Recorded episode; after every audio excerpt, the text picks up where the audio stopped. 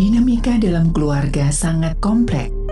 Kematian, adiksi, keuangan, penyakit mental, perceraian, masalah pendidikan, masalah wanita dan peran ayah, gaya hidup, atau masalah yang timbul ketika terjadi transisi. Semuanya adalah masalah yang dapat menghinggapi keluarga. Berbagai masalah ini mungkin tak terselesaikan dengan baik. Hal ini akan berujung pada perselisihan, ketegangan, hingga kebencian antar anggota keluarga. Konflik keluarga dapat merusak masing-masing individu di dalamnya. Bersama narasumber yang berkompeten di bidangnya, akan mengasah keterampilan dalam menyelesaikan masalah secara efektif dalam pelangi kasih.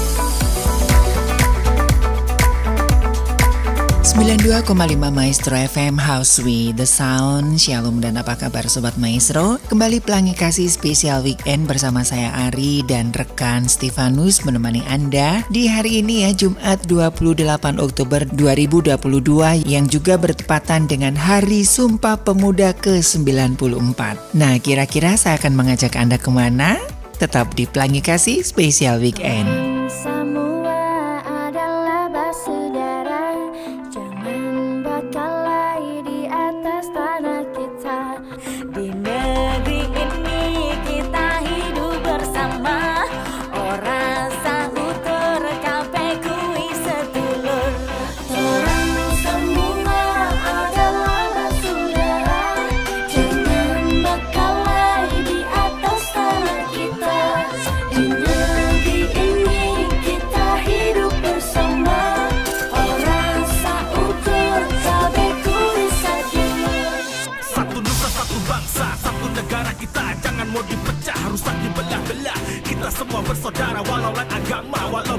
warna rukun harus dijaga merah dan putih. Warna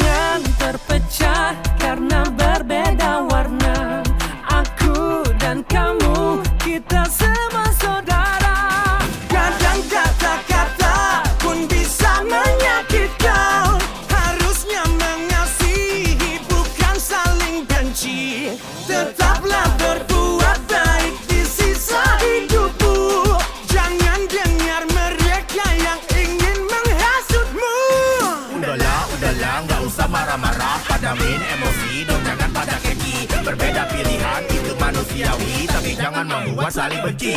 Aku wong Indonesia Kowe wong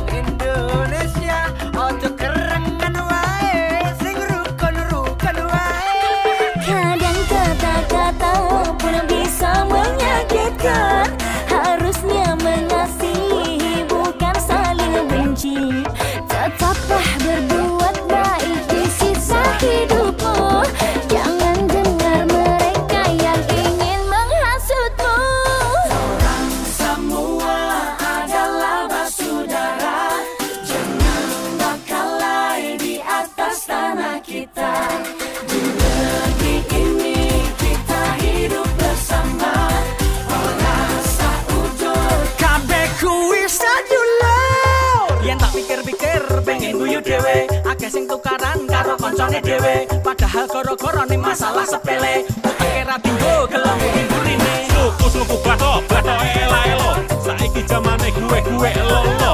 Ra peduli tonggo ra tau sawu kanca. Jare alasane level wes beda. Semua adalah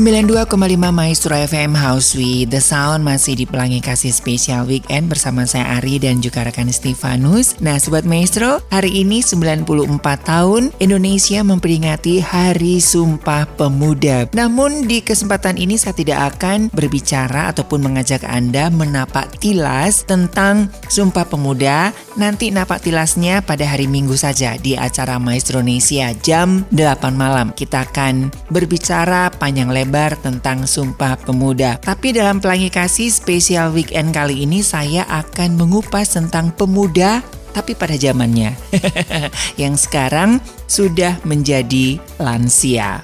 Nah, Sobat Maestro, berbicara tentang lansia, ada dua hal yang mulai dirasakan berkurang begitu ya, antara otot dan otak.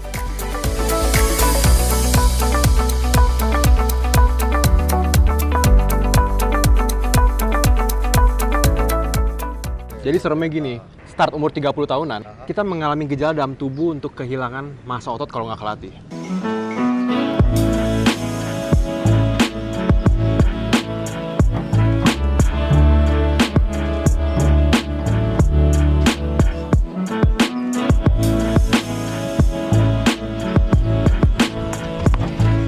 Hai guys, bersama gue Ivan dan kemarin gue baru aja denger mengenai bahayanya sarkopenia. Nah gara-gara itu nih, hari ini gue langsung gercep tarik bokap gue untuk segera mulai olahraga lagi. Nah sekarang gue mau ajak lo ngobrol nih. Yuk. Huh. Ya Rob. Aduh, bukan main. Waduh, kalau 30 tahun yang lalu kita main sih, kamu nggak menang kali. Karena dulu Pak bisa lebih lama mainnya, lebih sering main, terus lawan-lawannya juga lebih canggih, lebih kuat gitu. Nih, Pi. Jangan kan 20 tahun yang lalu. Kalau tadi papi main serius juga aku masih kalah kali sama papi. Enggak juga, Van. Ini badan nih rasanya udah bikin lemah, bikin saya cepet capek, kagak bisa untuk main lama, ya kan. Main sebentar aja udah tidak bisa kuat lagi. Ini nih, kemarin pas, Pap. Aku ada baca, baca data. Mm-hmm. Jadi ternyata banyak orang yang nggak sadar, yeah. bahkan nggak tahu Kalau ternyata start umur 30 tahunan, uh-huh. kita mengalami gejala dalam tubuh untuk kehilangan massa otot kalau nggak kelatih. Okay, Jadi seremnya gini, uh-huh. setiap 10 tahun periode, uh-huh. itu tuh kita nggak sadar bisa kehilangan 3 sampai 8 persen massa dan kekuatan yeah, otot. Yeah, yeah, yeah, yeah. Nah itu nama kerennya tuh sarkopenia. Oh gitu. Jadi mungkin itu loh Pap, yang menyebabkan uh-huh. kayak orang semakin punya umur, dia itu makin rawan jatuh, oh, gampang iya, kepleset, iya, gampang iya, capek, iya, atau patah tulang iya, gitu kan. Nah itu gimana tuh? Untuk supaya nih seperti papi ini dengan nomor seperti ini untuk menjaga atau menghindari lah hal-hal seperti itu. Nah, ini pertanyaan bagus nih. Jadi yang pertama, Pak, kita harus komitmen untuk terus olahraga. Setuju nggak? Setuju. Ya. Terutama olahraga untuk ketahanan otot. Karena olahraga ketahanan otot itu benar-benar berpengaruh untuk melatih massa dan menjaga kekuatan massa otot kita. Terus yang kedua, selain berolahraga, pastinya kita juga bisa menghindari sarkopenia dengan menjaga nutrisi. Okay. Jadi kita perlu makanan-makanan yang berprotein tinggi, seperti susu atau bahan-bahan olahan yang terbuat okay. dari susu. Mungkin ya Pi ya, kalau misalnya seiring dengan umur kan kemampuan sintesa protein dalam tubuh kita pasti berkurang. Betul. Jadi emang dianjurkan setiap kali kita konsumsi, hmm. itu kita mengkonsumsi lebih dari 20 gram protein per saji. Oh iya iya. iya. Gitu, dan ya, pastinya ya. juga nggak melupakan ya, mineral, ya. makan sayur, makan buah, ya, ya, ya. ya pokoknya makanan sehat lah. kalau gitu ya nanti kamu tolong ikut bantu ingetin aja untuk rutin olahraga makan yang memang sehat nggak semuanya yang banyak lemak-lemak nah papi juga harus ingetin aku pokoknya kita sama-sama bapak dan anak saling okay. mengingatkan Siap. untuk mencegah sarkopenia sejak okay. dini setuju setuju siap, Siap. Siap.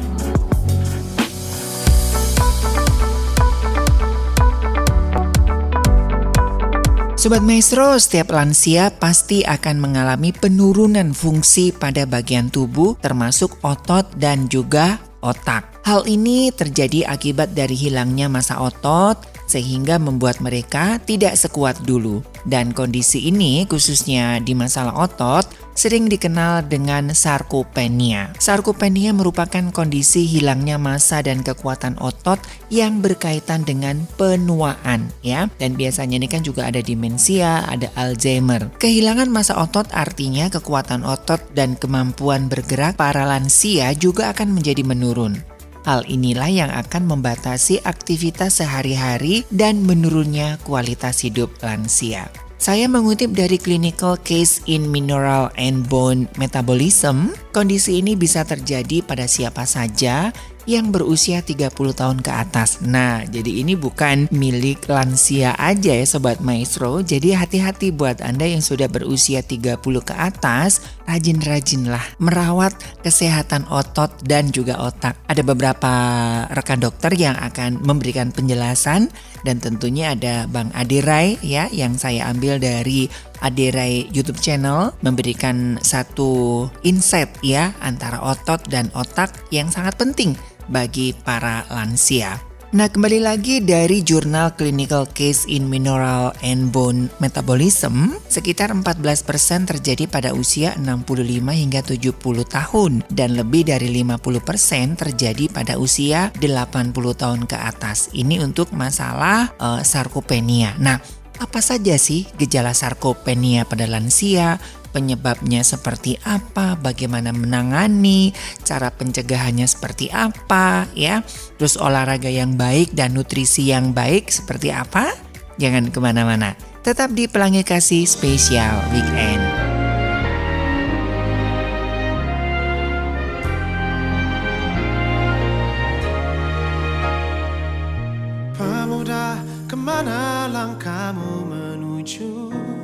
Apa yang membuat engkau ragu? Tujuan sejati menunggumu sudah. Tetaplah pada pendirian semula. Di mana artinya berjuang? Tanpa sesuatu pengorbanan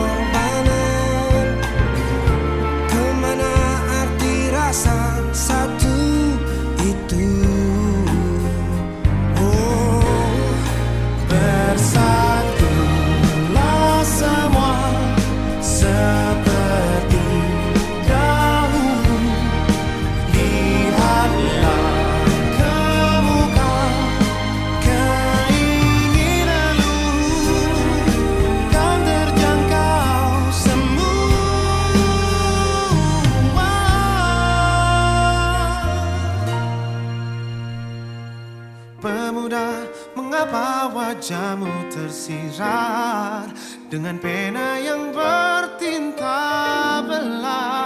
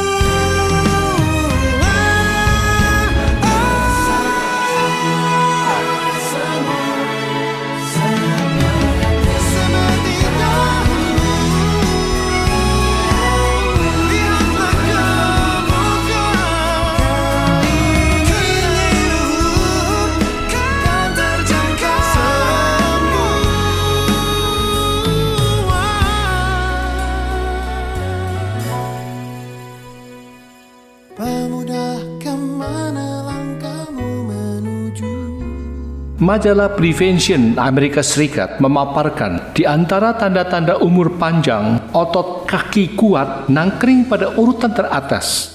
Mari kita jelajahi lebih jauh tentang hal itu.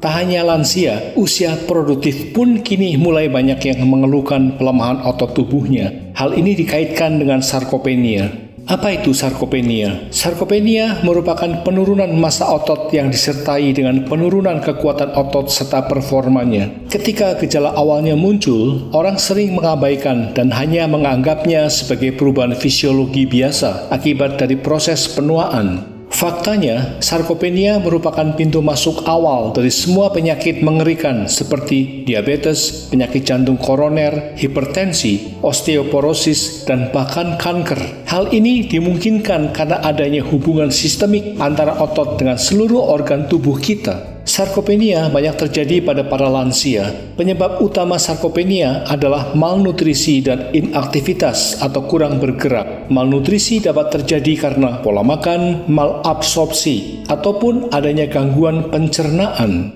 Lalu, apa yang harus kita lakukan untuk mencegahnya? Inilah saran yang dapat Anda pertimbangkan untuk mulai dilakukan. Sahabat, kebanyakan orang mengukur ketuaan seseorang dari penampilan fisik yang kasat mata, seperti perubahan warna rambut, kulit yang mulai mengendur dan bergelambir, gigi yang mulai berubah warna maupun bentuk, bahkan mulai rontok hingga pinggang yang menghilang. Mereka mulai risau ketika tanda-tanda fisik itu satu persatu datang. Segala macam treatment dilakukan untuk memanipulasi tanda-tanda ketuaan tersebut. Mulai dari mengubah warna rambut dengan warna-warna trendy, suntik botox, tanam benang, veneer gigi, liposuction, dan sebagainya. Padahal sesungguhnya ada satu hal yang jauh lebih penting dari semua itu, yaitu ketika kita menua, kaki harus tetap kuat dan kokoh. Entah karena ketidaktahuan atau karena abai, banyak yang justru tidak memperhatikan hal penting itu.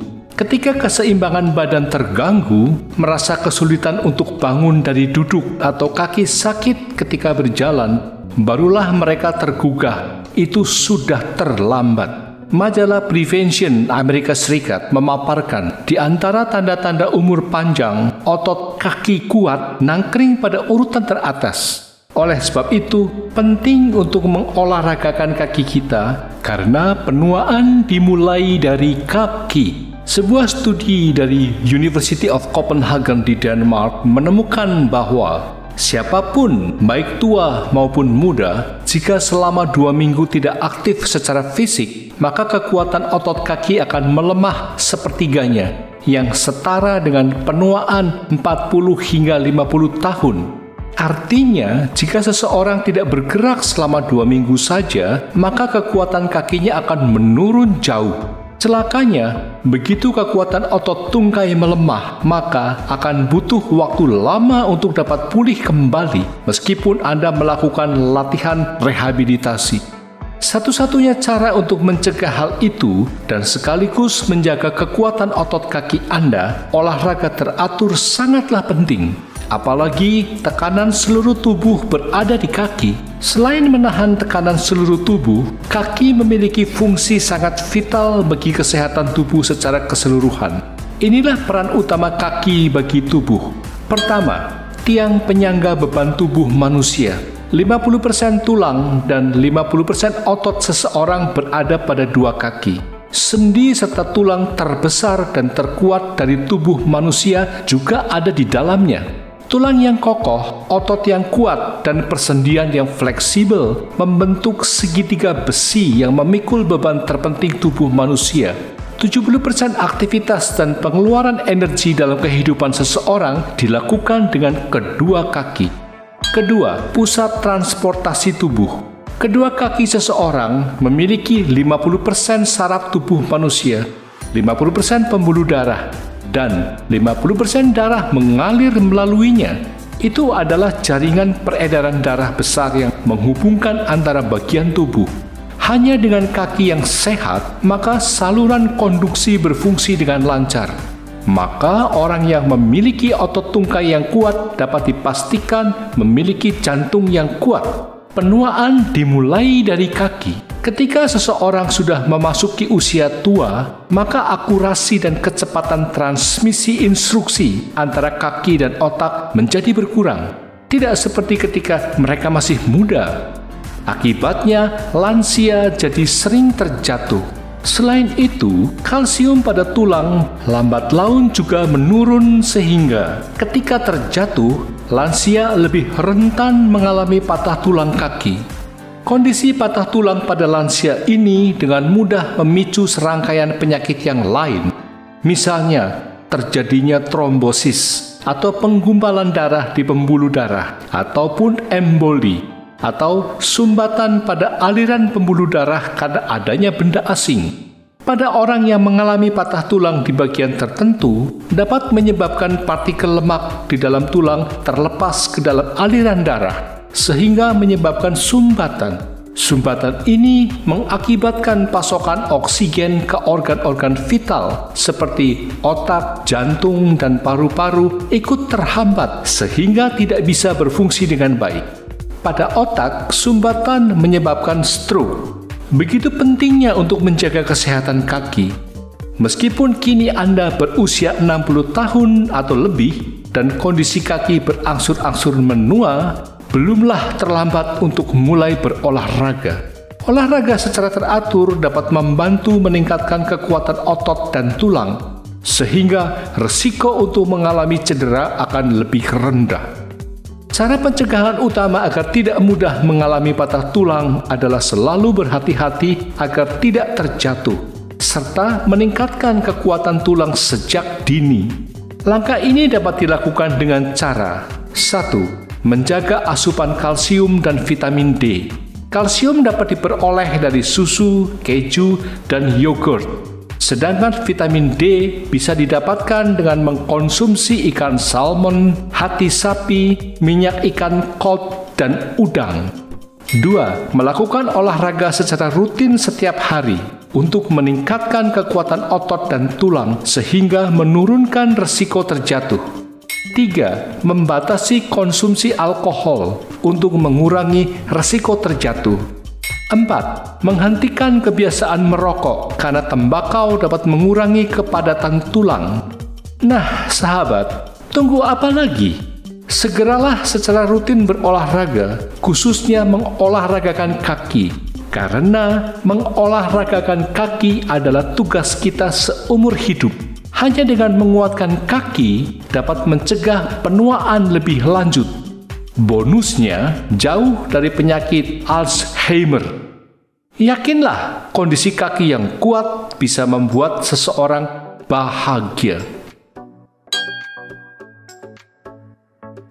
Pertama, kembangkan kebiasaan untuk bisa berdiri, jangan duduk, dan jangan berbaring jika Anda bisa duduk. Kedua, setelah usia 50 sampai 60 tahun, tidak mungkin menurunkan berat badan, terutama jika Anda tidak berolahraga dan mengandalkan makan lebih sedikit untuk menurunkan berat badan. Karena jika semua otot hilang, itu bisa sangat berbahaya. Ketiga, apakah lari, bersepeda, atau memanjat membuat lutut sakit? Jika Anda belum pernah berolahraga sebelumnya, Anda hanya bisa berlari, bersepeda, atau memanjat dalam pikiran Anda karena itu akan sangat menyakiti lutut Anda. Tetapi jika Anda memiliki kekuatan otot yang cukup dan perlahan-lahan mengembangkan kebiasaan berlari, bersepeda, dan memanjat, itu bisa menjadi latihan yang baik dan tidak melukai lutut Anda. Apakah Anda melukai lutut Anda atau tidak tergantung pada kekuatan otot Anda. Keempat, jika seorang lansia sakit dan dirawat di rumah sakit, jangan memintanya untuk lebih banyak istirahat atau berbaring dan rileks dan tidak bangun dari tempat tidur. Berbaring selama seminggu kehilangan setidaknya 5% dari masa otot dan orang tua itu tidak bisa mendapatkan kembali ototnya. Kelima, jangan berpikir bahwa Anda berbakti dengan tidak membiarkan orang tua melakukan pekerjaan rumah dan memarahi pelayan jika mereka melakukannya. Biasanya, banyak orang tua yang mempekerjakan pembantu kehilangan otot lebih cepat. Keenam, jangan hanya melakukan satu aktivitas setiap hari saat pergi ke taman. Jangan hanya berjabat tangan ketika Anda juga bisa menggoyangkan kaki Anda. Anda juga harus menarik bilah horizontal atau memindahkan setiap peralatan olahraga karena selama seseorang bergerak, maka semua otot seluruh tubuh akan terlibat. Banyak orang lanjut usia bahkan mengalami kesulitan menelan karena kurang berolahraga. Pada akhirnya, mereka bahkan tidak bisa batuk seteguk dahak dan mati karena hal ini. Ketujuh, sarkopenia lebih menakutkan daripada osteoporosis. Dengan osteoporosis, Anda hanya perlu berhati-hati agar tidak jatuh. Padahal sarkopenia tidak hanya mempengaruhi kualitas hidup, tetapi juga menyebabkan gula darah tinggi karena massa otot yang tidak mencukupi. Kedelapan, hilangnya sarkopenia tercepat ada di otot kaki. Karena ketika seseorang duduk atau berbaring, kaki tidak bergerak dan kekuatan otot kaki terpengaruh. Ini sangat penting. Jadi, masihkah Anda akan tetap malas untuk menggerakkan kaki dan mengabaikan otot tubuh Anda? Stop jika Anda tidak ingin menyesal nantinya. Ingat, otot yang kuat akan membantu kaki Anda menopang tubuh dan terhindar dari penyakit-penyakit mematikan.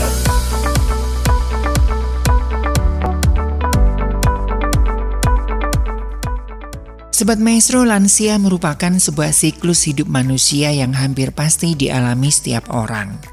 Kenyataan saat ini setiap kali menyebut kata lansia, yang terbersit di benak kita adalah seseorang yang tidak berdaya dan memiliki banyak keluhan kesehatan. Padahal lansia sebenarnya dapat berdaya sebagai subjek dalam pembangunan kesehatan. Pengalaman hidup menempatkan lansia bukan hanya sebagai orang yang dituakan dan dihormati di lingkungannya, tetapi juga dapat berperan sebagai agen perubahan atau agent of change di lingkungan keluarga dan masyarakat sekitarnya dalam mewujudkan keluarga sehat dengan memanfaatkan pengalaman yang sudah dimiliki dan diperkaya dengan pemberian pengetahuan kesehatan yang sesuai. Lansia yang sehat harus diperdayakan agar dapat tetap sehat dan mandiri selama mungkin. Salah satu upaya untuk memberdayakan lansia di masyarakat adalah melalui pembentukan dan pembinaan kelompok lansia yang di beberapa daerah disebut dengan posyandu lansia atau posbindu lansia. Melalui kelompok ini, lansia dapat melakukan kegiatan yang dapat membuat mereka tetap aktif, antara lain berperan sebagai kader di kelompok lansia, melakukan senam lansia, memasak bersama, termasuk membuat kerajinan tangan yang selain berperan sebagai penyalur hobi juga dapat meningkatkan pendapatan keluarga dan juga melatih mengembangkan kemampuan uh, sel-sel otaknya terus berkembang ya sobat maestro. Nah, nanti Bang Adirai akan menjelaskan betapa pentingnya otot dan otak bagi para lansia. Tetap di Pelangi Kasih Spesial Weekend. Halo Fitness Mania, selamat datang di Dunia Derai kali ini. Saya akan membahas tentang yang namanya O2, yaitu adalah otot dan otak. Nah ini hubungannya dengan teman-teman seperti saya semua ya, Manula Pratama gitu ya. Jadi kesalahpahamannya ketika kita semakin tua itu justru ketika otot dan otak kita tidak mau kita pakai terus, maka yang terjadi pelan-pelan kita akan kehilangan ini. Dan teman-teman tahu sendiri ya, kalau otot hilang, maka berpengaruh ke tulang, berpengaruh ke lemak, akhirnya berpengaruh ke metabolisme kita. Nah, jadi kita langsung teman-teman sekalian, otot dan otak itu memiliki prinsip yang sama. Kalau kita tidak gunakan, if we don't use it, kita akan kehilangan we lose it. Nah, jadi prinsipnya otot dan otak adalah prinsipnya sama. Dan mereka hidupnya juga dari yang namanya signal. Jadi signal 90% lebih itu datangnya kalau teman-teman tahu adalah dari gerakan. Nah, jadi makanya wajar di sini kalau akhirnya kita buat satu sedikit kesimpulan kecil bahwa oh, berarti Mas Ade kalau saya makin tua berarti saya harus makin sering gerak dong. Jawabannya iya kalau kita mau memberikan feeding makanan kepada si otot dan si otak gitu. Makanya kenapa butuh gerak semakin orang tua sekarang banyak diem di rumah, banyak nggak gerak, otomatis pasti problemnya nanti ke otak. Makanya kenapa salah satu case yang paling populer hari ini di musim infeksi ketika orang tuanya nggak boleh ke mana-mana, diem di rumah, pasti pelan-pelan dia udah mulai lupa, pelan-pelan nanti akhirnya mengarah kepada yang namanya kalau istilahnya resistensi insulin di otak, ya, yaitu adalah makanya nanti entar demensia, entar terjadi yang lain-lainnya. Nah, jadi teman-teman sekalian, each movement, setiap gerakan itu tidak diciptakan sama Makanya kenapa gerakan semakin gerakan itu kita buat semakin effortnya atau usahanya semakin tinggi, biasanya dia akan memberikan signal yang lebih tinggi lagi. Nah, membayangkan signal itu adalah seperti komisi 100 ribu, 200 ribu, 300 ribu, 400 ribu, itu akan keluar tergantung daripada usaha kita. Ingat ya sekali lagi teman-teman sekalian. Nah, ini adalah tipe serat 1A, 2A, 2B, dan 2X kalau kita berbicara yang namanya muscle fiber kita. Nah, jadi kalau teman-teman bilang, saya udah tua, saya cuma jalan kaki aja Mas Ade, karena udah tua, kan gitu ya. Ingat sekali lagi teman-teman, hati-hati dengan bahaya terbesar bukanlah kita punya cita-cita yang tinggi, namun kita tidak mampu meraihnya. Eh, saya udah tua, nggak apa-apa lah saya mau fit aja terus gitu. Tapi ternyata nggak jadi fit. Itu lebih mending, lebih tidak berbahaya dibandingkan dengan memiliki cita-cita yang rendah itu yang kita yakini dan itu yang kita lakukan. Artinya semakin tua, ah udahlah, udah nggak usah ngapa-ngapain aja, gitu ya. Nah kita suka punya cita-cita yang rendah. Akhirnya ketika kita cuma sekedar tiap udah tua jalan kaki aja dan nggak ngapa-ngapain, itu jalan kaki aja udah bagus ya teman-teman ya. Nah tapi biasanya kadang-kadang ini aja nggak dilakukan. Jalan kaki bagus nggak bagus sekali. Komisinya anggap saja kita bilang 100 ribu. Ini komisi ini sebenarnya representasi daripada nanti bagaimana si signal itu memberikan kebermanfaatan kepada kita. Apakah kepada gerak kita, apakah kepada rangsangan kepada yang lainnya, termasuk makanan kepada otak kita, teman-teman sekalian. Nah, tapi ketika kita berlari, nah jadi membayangkan jalan dan lari, itu kenanya tipe serat 1A. Komisinya 100 ribu. Ini tapi analogi ya, teman-teman. Maksudnya analogi. Analogi itu artinya contoh gitu ya.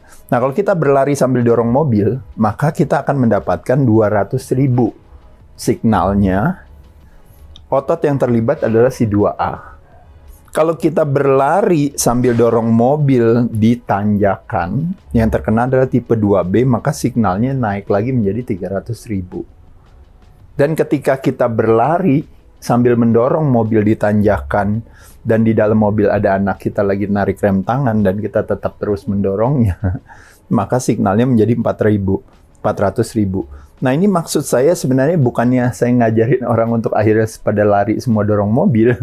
Tapi maksudnya saya cuma mau bilang adalah bahwa pada saat kita melakukan gerakan, semakin gerakannya mudah dan gampang kita lakukan, otomatis signalnya semakin sedikit. Semakin gerakannya semakin sulit kita lakukan, maka otomatis signalnya semakin lebih banyak.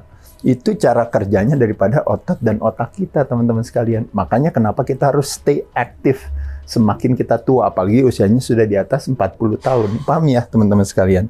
Nah jadi kenapa hal ini saya juga uh, kemukakan sekali lagi. Jadi membayangkan otak kita itu kalau teman-teman tahu jumlahnya kan selnya tuh triliunan. Masing-masing sel antara satu sel dengan sel lain dia itu punya connectionnya bisa sampai lima ribuan. Nah teman-teman bisa bayangkan kalau seandainya semakin tua itu ibaratnya katanya aduh nanti tidak ada yang namanya dinamika atau yang namanya pertumbuhan di otak kita pada saat semakin tua kita pasti akan semakin lemah. Tapi pada kenyataannya nggak seperti itu teman-teman. Justru badan kita tetap masih mampu menciptakan yang namanya brain new cell itu tadi, mampu menciptakan new synapses, new connection, new pathway di kepala kita selama kita rajin memberikan yang namanya signal kepada otak kita. Nah, modalitas daripada signal itu adalah ketika terjadinya yang namanya badan merilis yang namanya brain derived neurotropic factor atau human growth hormone secara natural alami yang akan didapatkan dengan melakukan aktivitas tiga ini teman-teman sekalian. Fokusnya lebih banyak ke 2A di 2B dan juga 2X. Makanya kenapa proposal saya kepada orang tua di satu sisi kardio bagus gak bagus karena the most important muscle in our body itu kan ada cardiac muscle. Nah, cuma kenapa saya nggak terlalu promote kardio? Karena kardio kita ketemu setiap hari. Kita jalan kaki, kita kadang-kadang mungkin di mall kita bergerak ya.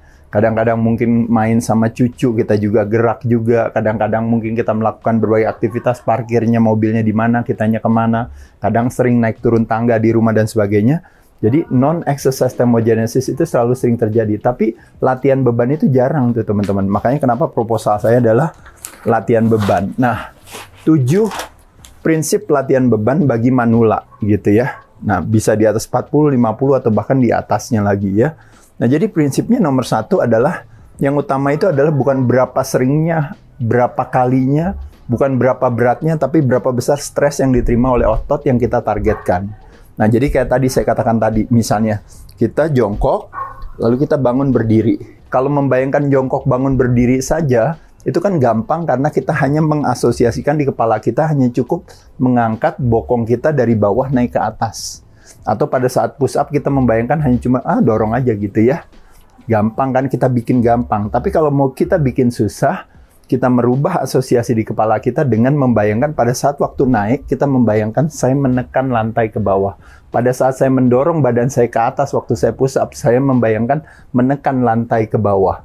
Nah, pada saat itulah tingkat kesulitannya semakin tinggi, stres yang diterima oleh otot semakin besar. Nah, pada saat itulah intensitasnya menjadi lebih tinggi.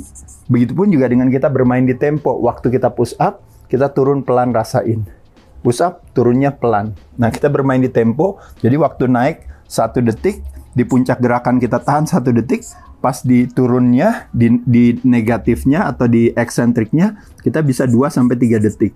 Nah, jadi kita bisa lihat di sini dengan bermain di tempo ini, artinya apa? Artinya otot berada di dalam yang namanya tekanan itu menjadi lebih lama.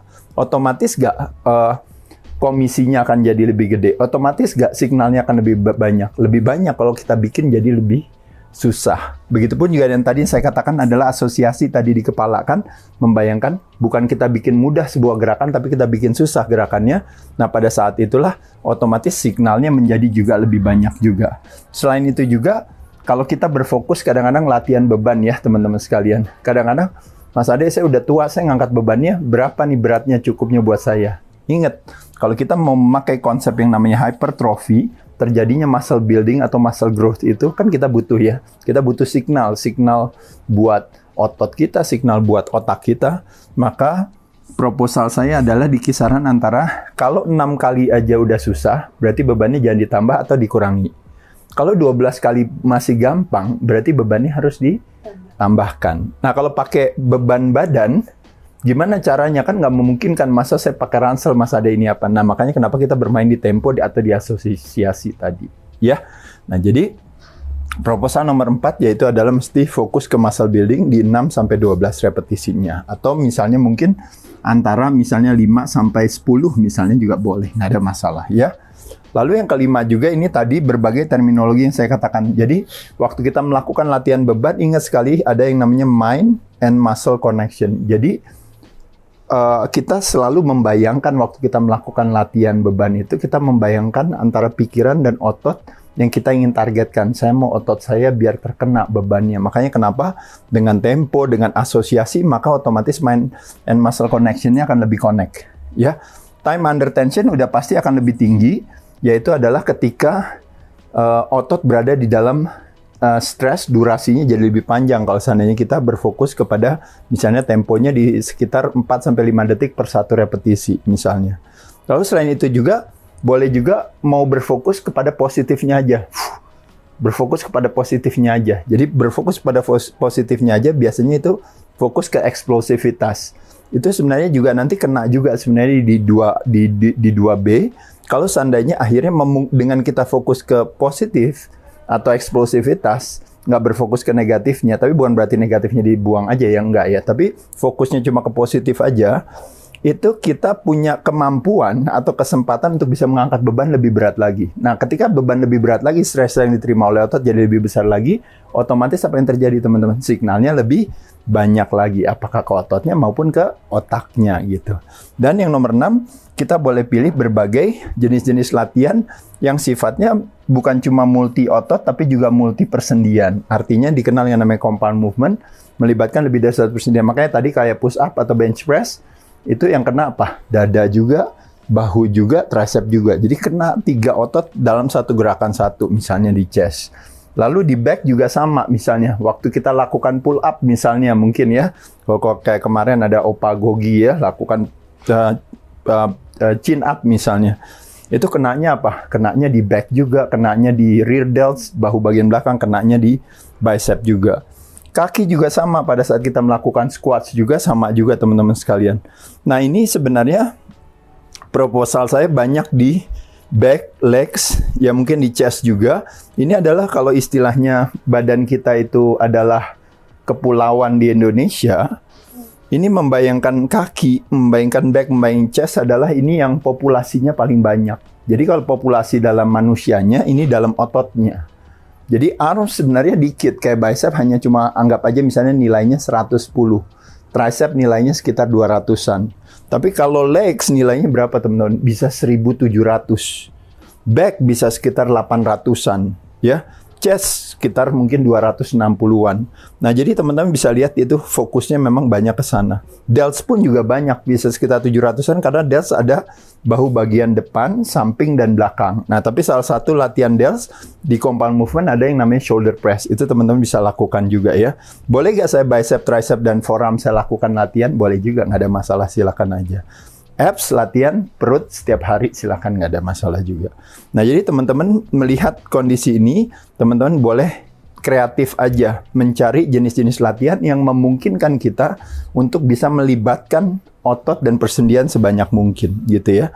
Dan yang terakhir adalah tetap nggak jalanin cardio exercise tetap. Nah salah satunya proposalnya kalau kita berbicara yang namanya human growth hormone, berbicara yang namanya BDNF, boleh fokus ke yang namanya high intensity interval training terutama buat yang mungkin teman-teman yang tidak terlalu gemuk ya gitu ya. Boleh melakukan jadi interval itu artinya intensitasnya tinggi tapi habis itu istirahat nanti cepat lagi lalu istirahat lagi. Nah itu silahkan teman-teman boleh lakukan. Salah satunya yang paling populer ya tentunya, tentunya adalah berbagai aktivitas olahraga permainan gitu ya. Karena kalau olahraga permainan kan cepat nanti berhenti nanti cepat nanti berhenti lagi. Ya itu bisa jadi salah satu. Atau kombinasi yang namanya cross training itu tadi ya cardio exercise sama abis push up, lalu jumping jack atau apa misalnya. Itu juga salah satu boleh menjadi pilihannya. Jadi teman-teman di sini kita bisa melihat betapa sekali lagi kalau kita lakukan dengan cara yang natural alami, semua yang kita dapatkan itu adalah sebuah kebaikan. Makanya kenapa terjadi yang penghambatan proses penuaan. Bukan kebalikannya ketika hari ini teman-teman justru tidak merubah perilakunya secara natural alami, tapi lebih sibuk mencari barang dari luar untuk mempertahankan kemudaan kita. Nah, terutama kalau pria paling populer adalah menggunakan yang namanya performance enhancement drugs. Nah, itu bisa macam-macam, tapi yang paling populer adalah biasanya yang dikenal yang namanya TRT atau HRT gitu ya. Jadi ada replacement terapi buat testosteronnya, buat hormon, hormon pertumbuhannya dan sebagainya. Nah, human growth hormone bahkan bahkan kadang-kadang suka malah mengambil dari luar dibandingkan dengan belajar untuk mengaktifasi dari dalamnya. Begitupun juga wanita lebih kepada kalau wanita kecenderungannya kosmetik ya karena ke, ke, kecantikan gitu ya. Jadi bukan merubah perilakunya, tapi yang ada justru malah melibatkan berbagai aktivitas ini ya mulai dari oral, obat, mungkin melibatkan jarum atau bahkan melibatkan operasi. Nah, teman-teman kita lihat sekali lagi kalau membayangkan daun yang layu ya Des ya. Nah, ketika daun layu supaya daunnya biar bisa fresh, biasanya apa yang kita lakukan Des? Sirami, sirami apanya? Sirami akarnya. Nah, jadi membayangkan daun yang layu itu adalah muka kita yang layu. Apa yang harus kita lakukan? Sirami akarnya yaitu dengan merubah pola perilaku kita yaitu dengan apa? Olahraga, dengan pola makan dan sebagainya. Tapi yang terjadi adalah apa? Des biasanya kalau daun layu diapain? Bukannya disiram, saya bilang nggak usah disiram Des, cukup diapain? Cukup dikasih krem pagi malam semua tuh daunnya ya digituin ya. Belum lagi kalau daunnya kadang-kadang dijahit aja ya tuh dijahit daunnya katanya dijahit ditarik-tarik benang segala ya atau bahkan mungkinnya jarum apa daunnya disuntikin sesuatu atau daunnya dibikin dioperasi gitu ya. Nah, jadi bisa bayangkan ini analogi yang sangat unik ketika kita melihat tumbuh-tumbuhan yang layu, membayangkan itu adalah kulit muka kita gitu. Sebenarnya sesederhana itu cara kerjanya, yaitu adalah ubah perilaku kita, bukan kebalikannya justru malah yang terjadi adalah kita justru malah tergantung sama obat-obatan. Karena kembali lagi hati-hati teman-teman di satu sisi kelihatannya menyenangkan kita mendapatkan obat-obatan itu seolah-olah hari ini lihat tuh dari yang layu jadi kenceng gitu ya. Dari yang kelihatannya lemah sekarang jadi kuat gitu ya. Tapi yang terjadi adalah kita harus hidup dengan dampak samping daripada penggunaan obat-obatan tersebut. Karena pada kenyataannya obat-obatan ini tidak diperuntukkan untuk itu. Makanya kenapa disebut yang namanya penyalahgunaan obat gitu. Jadi makanya kenapa saya membuat satu analogi gitu ya. Jadi kalau membayangkan bunga plastik gitu, hebatnya bunga plastik adalah apa, Des? Ibaratnya warnanya tetap cerah, ya, kelihatannya bagus gitu, di foto juga keren gitu ya. Tapi tantangannya cuma satu, bunga plastik nggak ada apanya, Des. Nggak ada nyawanya masalahnya. Gitu ya. Nah, kebalikannya bunga asli. Dia asli apa adanya. Ketika kita melihat sesungguhnya akan terlihat begitu yang namanya keindahan dan kecerdasan. Bahkan ibarat kita cium pun juga baunya juga harum. Bahkan ibarat kita kasih air panas saja kita minum dia bisa menyehatkan kita. Gitu. Jadi kebaikan secara alami itu luar biasa, teman-teman. Tapi kalau kita lakukan dengan cara menggunakan barang-barang dari luar hanya untuk mempertahankan yang namanya penghambatan proses penuaan bukanlah hal yang bijaksana, teman-teman sekalian. Makanya saya bilang, yuk kalau tua itu memang sudah pasti teman-teman sekalian ya. Tapi dengan kita punya perilaku yang baik, usia biologis dan usia psikologis, cara pandang kita terhadap sebuah kejadian dalam kehidupan kita sendiri ya, lalu juga cara kita merawat badan atau tubuh kita, maka nanti ibaratnya kita bisa tua dengan alami begitu. Dan sekali lagi teman-teman yang kita butuhkan ada sebuah keikhlasan. Gimana pun juga kita pasti akan tua ya.